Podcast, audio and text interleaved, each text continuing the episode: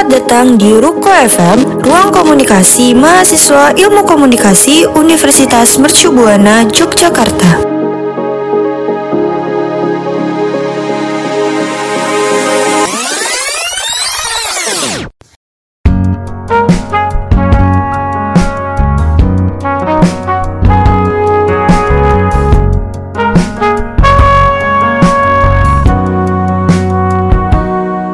Perjalanan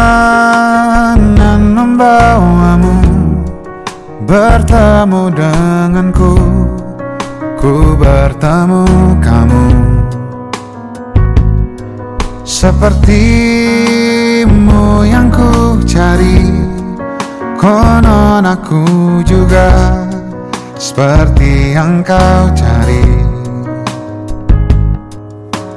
Ku kira kita asam dan garam dan kita bertemu di belanga Kisah yang ternyata tak seindah itu.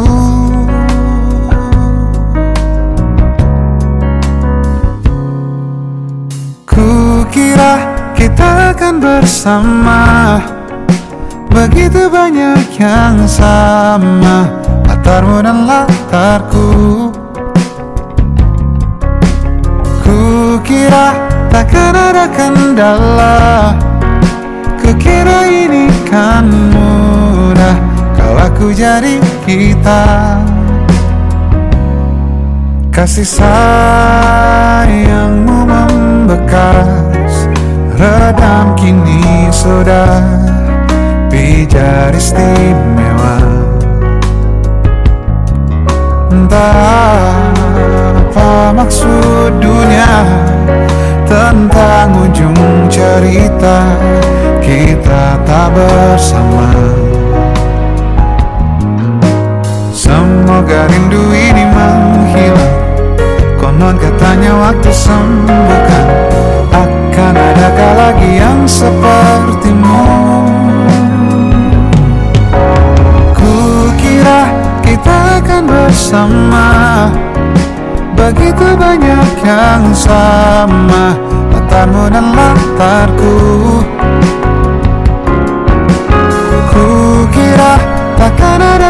ada kendala Kukira ini kan mudah Kalau aku jadi kita. Kau melanjutkan perjalananmu. Melanjutkan perjalananku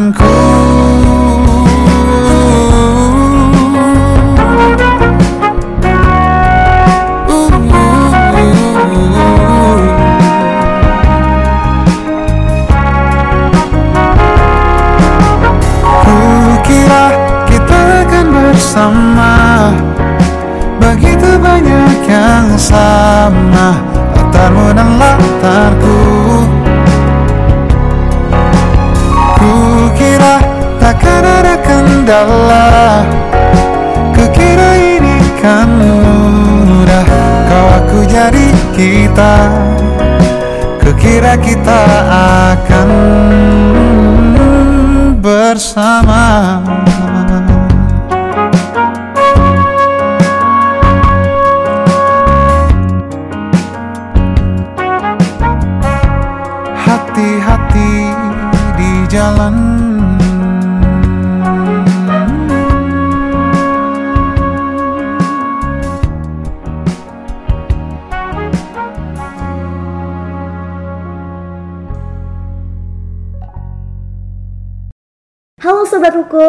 pertama di bulan suci Ramadan, lagu dari Tulus, Hati-Hati di Jalan. Selamat memasuki bulan Ramadan teman-teman. Apa kabarnya nih Sobat Ruko? Semoga dalam keadaan sehat dan semangat menjalani hari-harinya ya. Di bulan suci Ramadan kali ini, Ruko FM bakal dipandu oleh Gina yang bakal membawain Ruko FM sampai akhir segmen.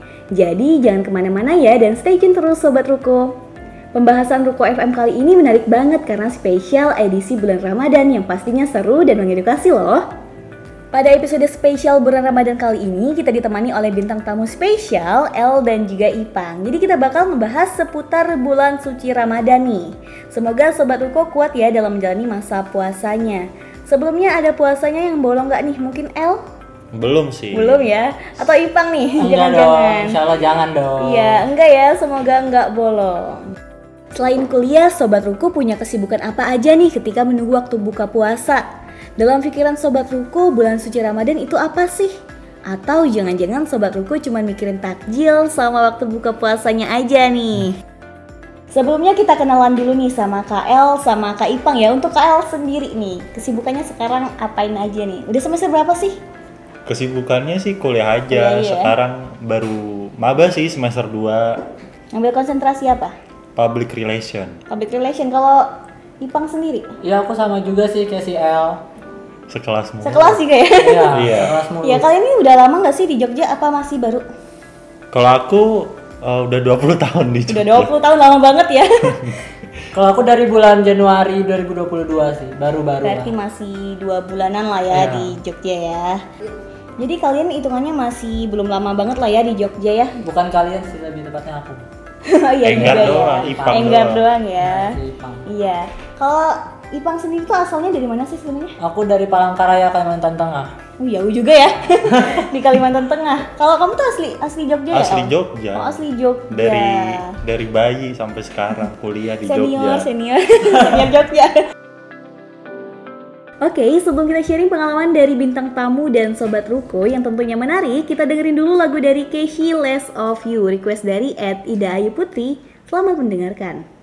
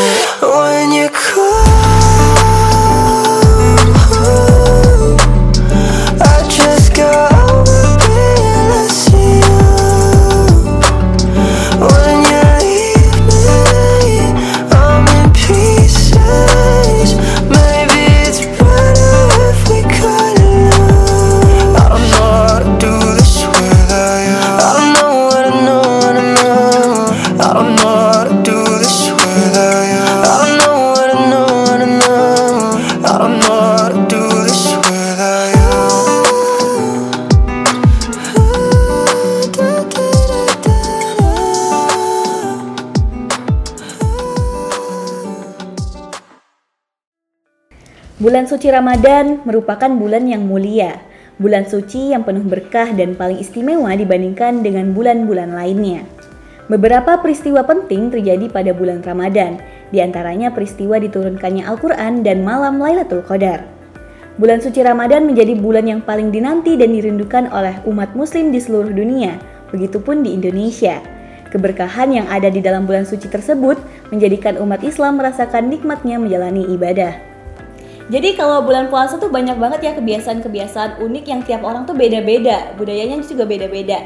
Mungkin ada pas bangunin sahur tuh banyak banget ya anak-anak kecil biasanya main beduk keliling-keliling kampung.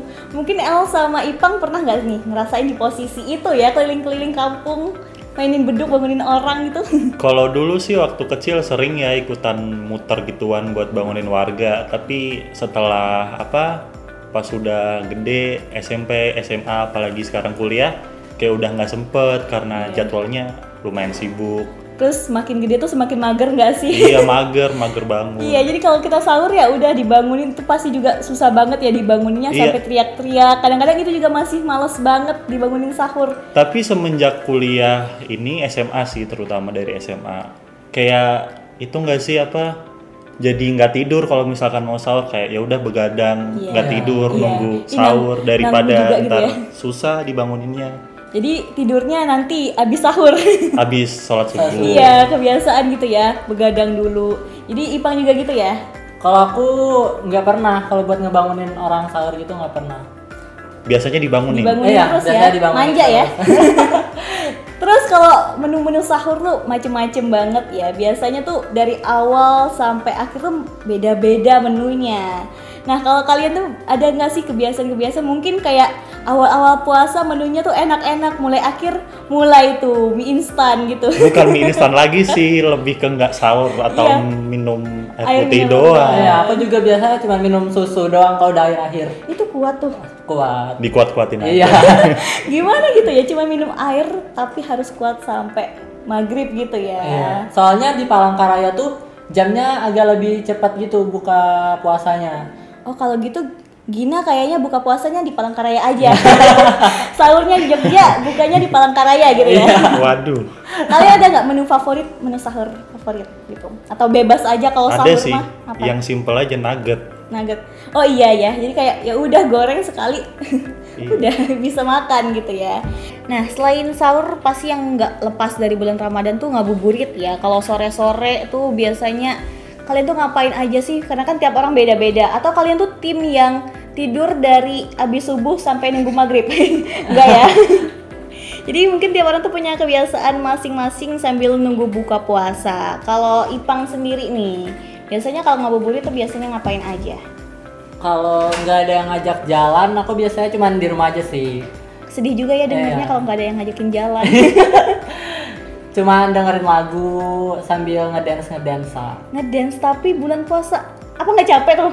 Enggak sih, soalnya tipis-tipis aja. Gimana tuh dance tipis-tipis gitu ya? berpower nggak gitu. heboh ya. Karena kalau heboh-heboh pasti haus, Iya. capek gitu kan. ujung-ujungnya batal Batal. Aduh, jangan, enggak Makanya.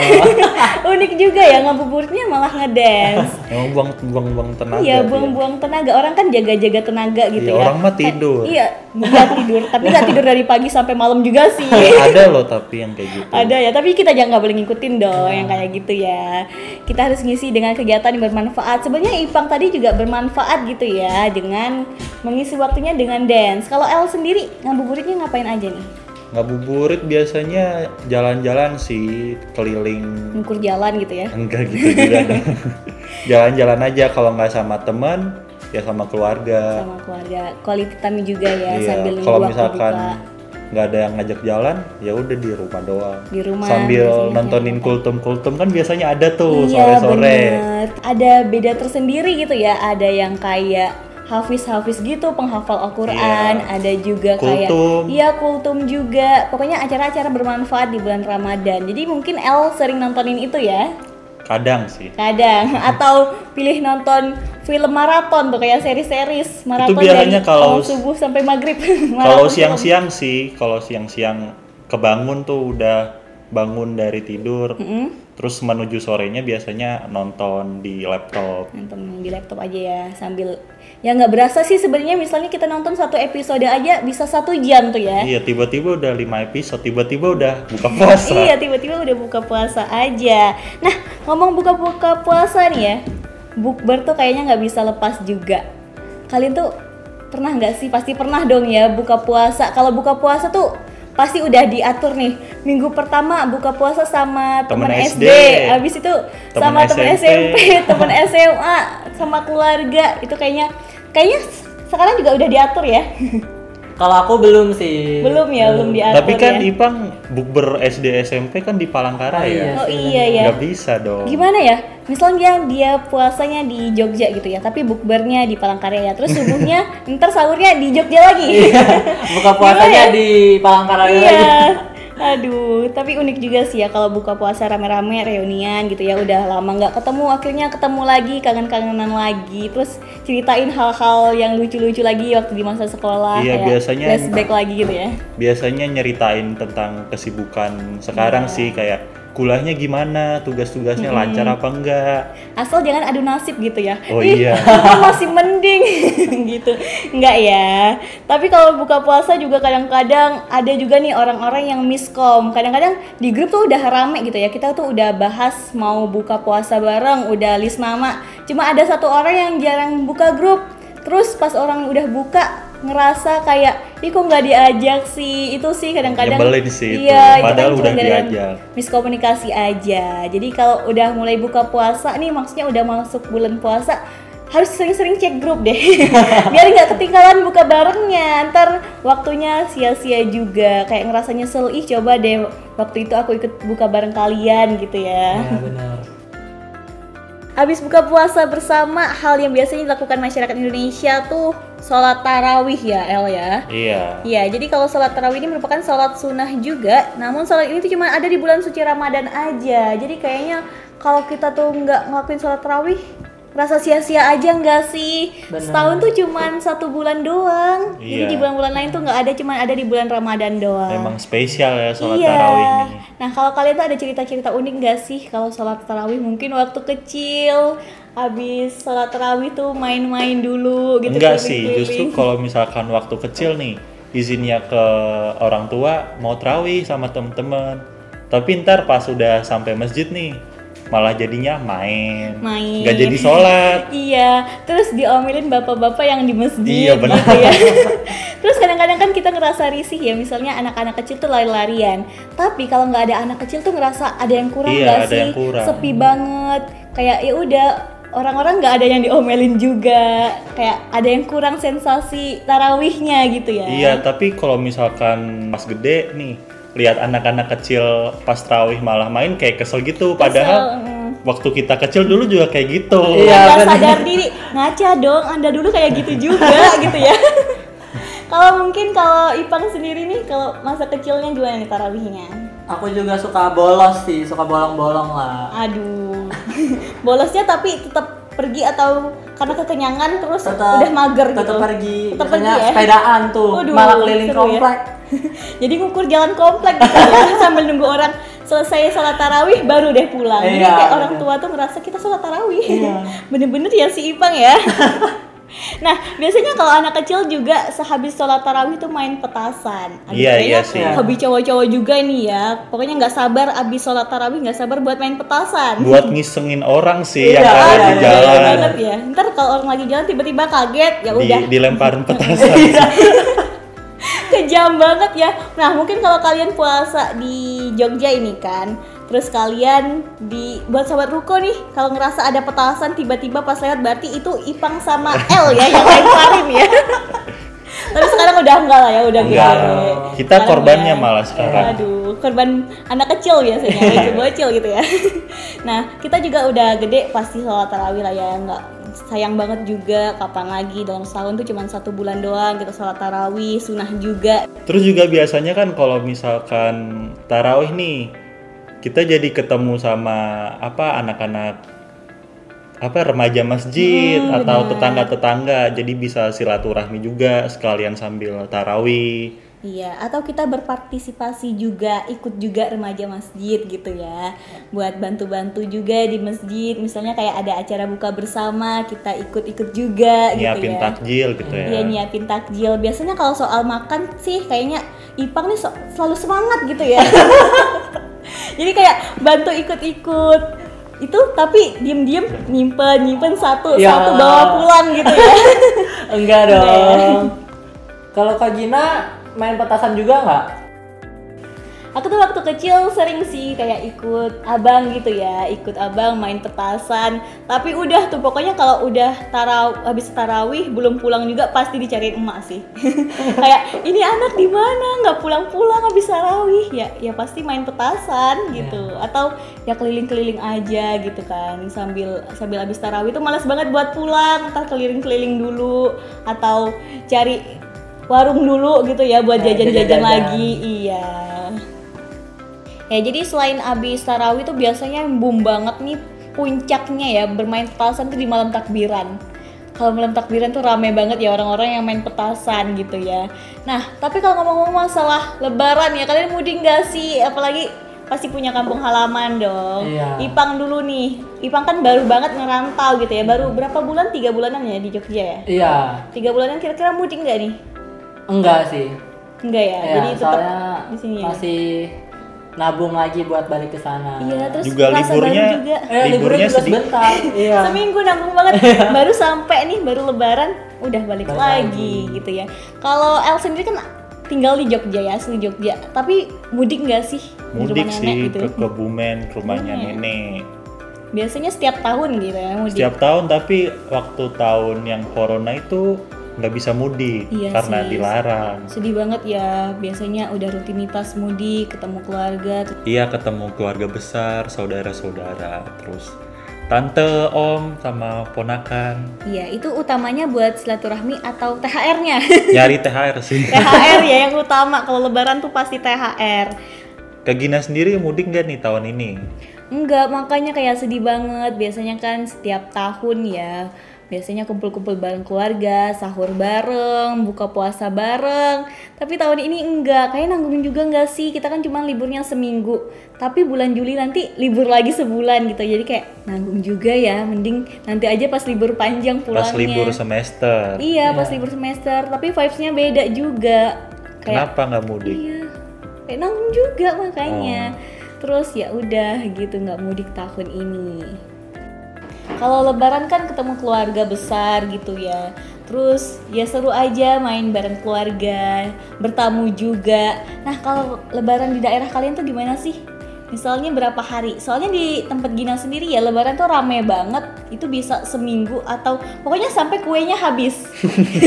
Iya serius. Orang kan biasanya ada beberapa daerah tuh yang cuma tiga hari toh udah selesai vibes Lebarannya hilang Iya. gitu ya. Kalau di daerah aku tuh ya udah seminggu Lebaran tuh seminggu tuh rame aja. Kita tuh main aja. Kadang-kadang nih ya kita tuh main ke rumah yang nggak dikenal. Hah? Iya. Emangnya nggak canggung ya? Iya, kalau anak-anak kecil gitu ya, biasanya anak-anak SD gitu bertamu aja. Kira-kira yang rumahnya ada THR di mana gitu ya. Terus ya udah masuk ke situ Tujuannya rame-rame. nyari THR ya Iya, berarti? tapi kan silaturahmi juga. Nah, biasanya kalau anak-anak kecil main ke rumah yang nggak dikenal tuh kan ditanya juga rumahnya di mana, anak siapa. Anaknya siapa nih? Iya, kan datang tiba-tiba? Temen anak temennya orang itu gitu ya. Jadi kan Iya. bisa menjalin silaturahmi juga. Jadi komunikasinya tuh nggak putus juga antara anak-anak kecil terus Orang antar tua. tetangga juga gitu. Jadi terjalin juga komunikasi antar tetangga situ. Mungkin daerah kalian beberapa hari nih atau kamu di rumah nenek ya berarti lebarannya Iya, ya, di ya? Kebumen. Gimana tuh suasana lebaran di sana? Biasanya kalau lebaran sih hari pertama kan sholat idul fitri Iya. nih, sholat id paginya. Terus habis sholat id biasanya kumpul dulu nih di rumah nenek dari ada om, tante, terus ada ponakan-ponakan juga tuh. Terus habis itu foto foto bareng, foto keluarga. Setelah itu biasanya keliling ke rumah tetangga atau ke saudara-saudara yang rumahnya dekat dari rumah gitu sih. Terus habis keliling kan itu sekalian silaturahmi ya. Habis silaturahmi biasanya nodong THR sih. Iya. Terus makan sih ya. Iya, Aduh, iya, Kayak makan. udah wanti-wanti banget nih. kayaknya di rumah situ ada bakso deh kita main ke rumah situ yuk gitu Udah nginceng Iya makanan udah duluan ngincer ya. banget gitu ya kayak terus kalau kalau lebaran itu ya kita tuh nggak di satu rumah tuh nggak harus kenyang jadi kayak dibagiin dulu nih porsi sini rumah ini nggak usah terlalu kenyang sedikit dulu nanti di rumah lain nambah lagi makannya gitu ya jadi semua semua rumah tuh kita nyicipin Iya, makanannya nyicip. gitu ya harus gitu ya soalnya kalau kalau nggak makan terus salam-salam duduk doang kan ngerasa aneh terus Heeh. takut nggak ngehargain juga gitu ya jadi ya udah kita bagiin aja porsi perut kita ya buat rumah ini rumah itu Iya, gitu ya biar- Ya kalau lebaran sendiri kalian tuh ada menu favorit nggak sih waktu lebaran? Kalau aku sih pempek. Iya, Iya. itu bener Iya, banget sih Enak ya banget. Iya. ya. Emang empe-empe ada waktu lebaran. Ah. Iya, Ada justru itu tuh maksudnya disediain banget banyak, jadi kita Iya. tuh tinggal ambil aja, jadi kayak puas juga. Lah kalau dia aku lontong opor sih biasanya. Ya itu juga pasti itu ada. tuh kalau lontong, opor, terus kayak daging, rendang, ayam segala macam itu biasanya makanan utama. Uh-uh. Nah, makanan yang kecil-kecilnya tuh kayak pempek, tekwan, terus ada juga bakso gitu-gitu sih. Kalau di daerahku juga gitu. Iya. Jadi kayak abis makan nih, abis makan makanya nggak kenyang dulu, abis makan lontong tuh nggak usah kenyang dulu. Hmm. Nambah Kan lagi. Nambah lagi, makan pempek, makan bakso gitu. Rakus ya. Bukan aku sih. Iya itu Kan kapan namanya lagi nyobain. gitu. Iya, kapan setahun, lagi. setahun tuh Idul Fitri cuma sekali. Jadi kapan lagi nih kita makan langsung banyak gini gitu ya. Jadi ya udah kita kan merayakan gitu ya. Jadi kayak have fun aja merayakan hari raya Idul Fitri. Nah terus kan lagi makan ya, lagi kumpul keluarga.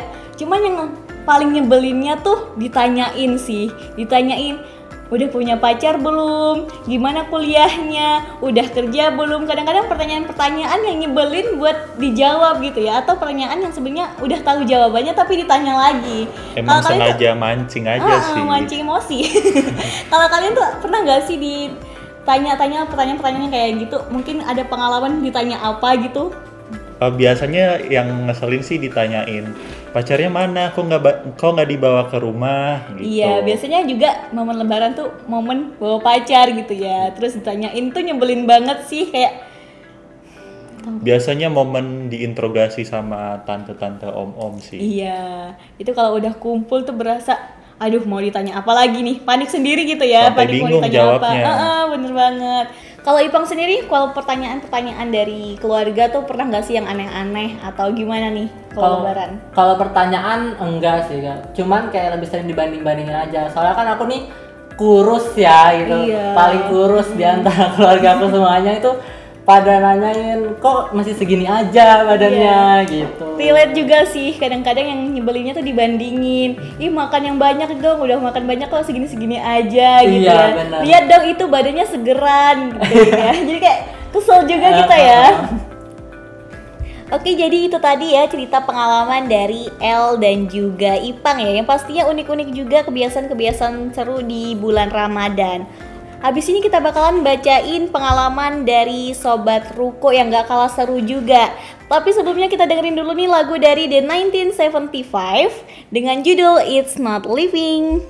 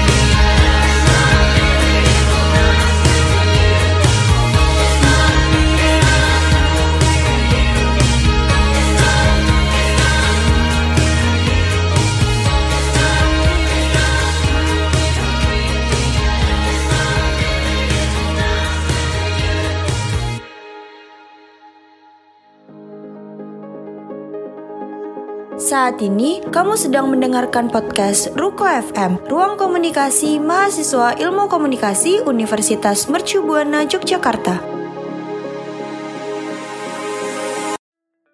Oke itu dia tadi lagu dari The 1975 dengan judul It's Not Living Nah seperti yang udah kita janjiin tadi kita bakalan bacain cerita pengalaman paling menarik dari Sobat Ruko Udah ada dua cerita terunik nih yang bakal dibacain sama Ipang dan juga El. Mungkin cerita pertama mau dibacain sama El dulu nih.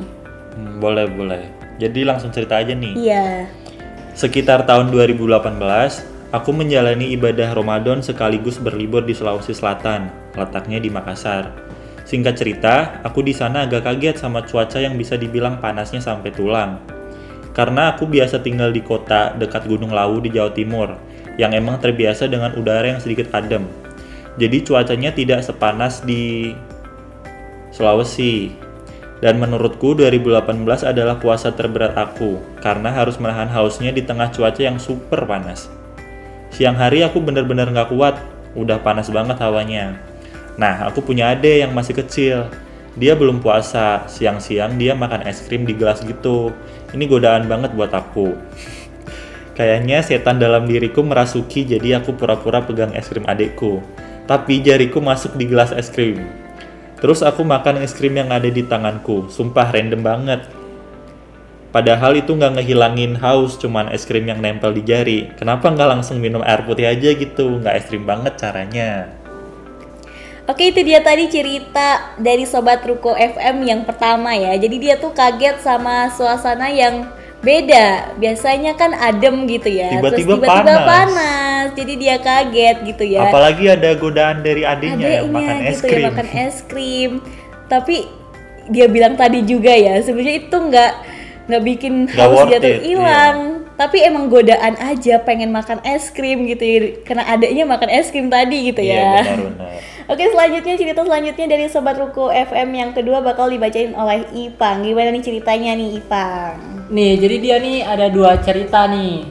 Pertama, pernah ikut makan kerupuk bareng sama adikku pas lagi puasa hari pertama. Gara-gara lupa kalau di waktu itu lagi puasa. Jadi lupa gitu ya Padahal Tapi- kerupuk doang ya. Tapi kalau katanya lupa ya, itu nggak batalin puasa. Kalau lupa beneran ya, Ya. tapi jangan pura-pura lupa. Berarti dia ngelupa yang makan kerupuk itu. Nih yang kedua nih, bulan puasa tiga tahun yang lalu kalau tidak salah, rumah pernah kemasukan ular pas sahur dan berujung kehebohan dalam rumah dan kompleks di sepertiga malam sampai subuh karena ngurusin ular itu. Banyak hal udah dilakuin biar ularnya mau keluar, soalnya ularnya sembunyi di bawah lemari di dapur gitu. Dari yang disiram pakai air panas, didorong sama kayu sampai dilempar pakai bawang putih juga nggak mempan. Setelah berkutat dua jam, akhirnya ularnya mau keluar dan langsung dimasukin ke karung dan dibuang jauh-jauh. Jadi cerita Sobat Ruko FM yang kedua nih cukup sedih juga ya Ipang Iya, ya. Kayak benar-benar. cobaan banget lagi mau sahur Tapi ada Ular. ular. di rumahnya. Jadi kayak sahurnya tuh nggak tenang juga. Iya. Gimana sahurnya? Tapi ada kepikiran sama ular gimana ngusirnya gitu ya. Iya. Tapi paniknya kayaknya bukan bukan serumah doang gitu ya Sekampung paniknya kalau ada ular mah ya Oke itu dia tadi cerita-cerita unik dari dua narasumber kita ya Ipang dan juga El. Jadi kita juga tadi udah bacain juga cerita paling menarik dari Sobat Ruko FM Buat Sobat Ruko yang ngerasa ceritanya kita bacain tadi Bisa langsung DM kita di IG at HMPS Ilkom UMBY Dengan syarat menyebutkan nama saat mengisi Google Form. Nah itu dia tadi episode pertama season 2 Ruko FM Dan sampai jumpa di episode selanjutnya Pohon beringin daun lebat, batang besi mudah berkarat. Untuk kerabat dan juga sahabat, selamat berpuasa, semoga kuat. Terima kasih. Kamu baru saja mendengarkan podcast Ruko FM, Ruang Komunikasi Mahasiswa Ilmu Komunikasi Universitas Mercu Buana Yogyakarta.